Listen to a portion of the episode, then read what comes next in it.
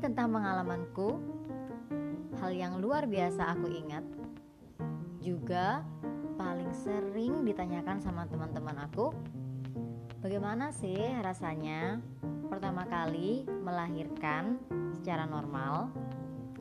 Dan di podcast ini aku akan ceritakan ke kalian tentang pengalamanku pada saat melahirkan anakku as.